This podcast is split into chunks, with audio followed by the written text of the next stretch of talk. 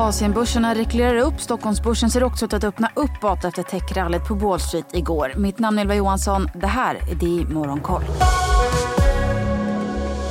Ja, det är uppåt på de ledande Asienbörserna idag. Hongkongbörsen stiger drygt en halv procent och i Fastlandskina stiger både Shanghai och Shenzhenbörsen svagt efter att en kinesisk centralbankstjänsteman signalerat att myndigheterna är redo för ytterligare penningpolitiska lättnader. Samtidigt kommer uppgifter om att Kinas finansinspektion nu återigen tillåter fondförvaltare att nettosälja aktier under enskilda handelsdagar efter att ha förbjudit det i förra året i ett försök att stötta aktiemarknaden. Bland enskilda bolag så faller nätjätten JD.com 3,5 efter att bolagets dotterbolag Dada Nexus misstänks ha bokfört 140 miljoner dollar på ett misstänkt sätt. Dada rasade i sin tur 45% på New York-börsen igår. Vidare så uppges TikToks ägarbolag ByteDance föra samtal med flera parter, däribland Tencent om en försäljning av sin gamingverksamhet. Tencent backar en halv procent på Hongkongbörsen. Tokyobörsen som höll stängt igår lyfter 1% samtidigt som inflationen i Tokyoområdet fortsatte att sakta in i september till 2,4 vilket var i linje med Bank of Japans förväntan.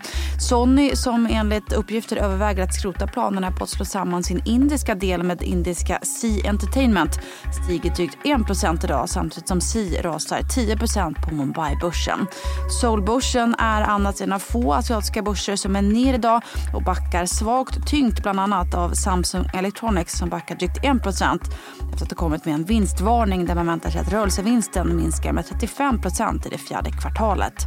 På råvarumarknaden så har oljepriset stabiliserat sig efter gårdagens kraftiga fall som skedde efter Saudiarabiens prissänkningar vilket skickade signaler om en svagare efterfrågan framöver. Brantoljan kostar 76 dollar fatet.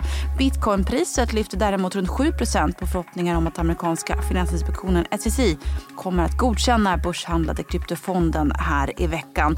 En bitcoin kostar knappt 47 000 dollar.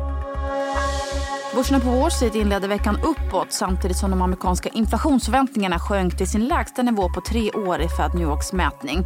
Bredasbyggandet lyfte 1,5% och teknik Nasdaq steg över 2% lyft inte minst av techjättarna Nvidia och AMD som båda presenterade nya AI-relaterade produkter. Nvidia presenterade nya grafikkort och lyfte 6,5% I AMDs fall så handlade det om nya processorer. Aktien steg 5,5% Flygplanstillverkaren Boeing föll däremot tungt var ner 8% efter flygincidenten på Alaska Airlines. Samtidigt som luftfartsmyndigheten FAA nu har stoppat flygningar med modellen 77 MAX 9 uppges American Airlines ha hittat lösa bultar vid flera igenpluggade dörrar på flera flygplan. Sinch-konkurrenten Twilio rusade däremot 9% igår efter att ha kommit med en omvänd vinstvarning och meddelat att man kommer genomföra ett vd-byte. Och sportskotillverkaren Nike lyfte 1,5% efter att man meddelat att man säger upp sitt partnerskap med golf stjärnan Tiger Woods efter 27 år. Efter stängning kom också nyheten att Unity Software som utvecklar spelmotorn Unity ska skära ner på sin personal med 25 procent vilket motsvarar 1800 anställda. Det är fjärde gången på ett år som bolaget bantar personalstyrkan. Aktien steg 4 procent i efterhanden.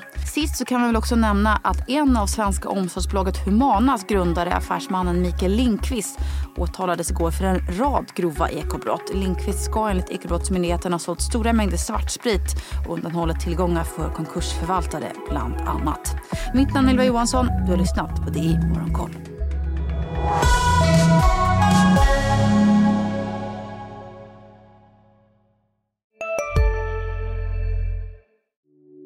Hej, Ulf Kristersson här. På många sätt är det en mörk tid vi lever i. Men nu tar vi ett stort steg för att göra Sverige till en tryggare och säkrare plats. Sverige är nu medlem i Nato. En för alla, alla för en.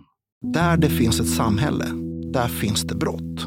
Krimrummet är podden som tar brottsligheten på allvar.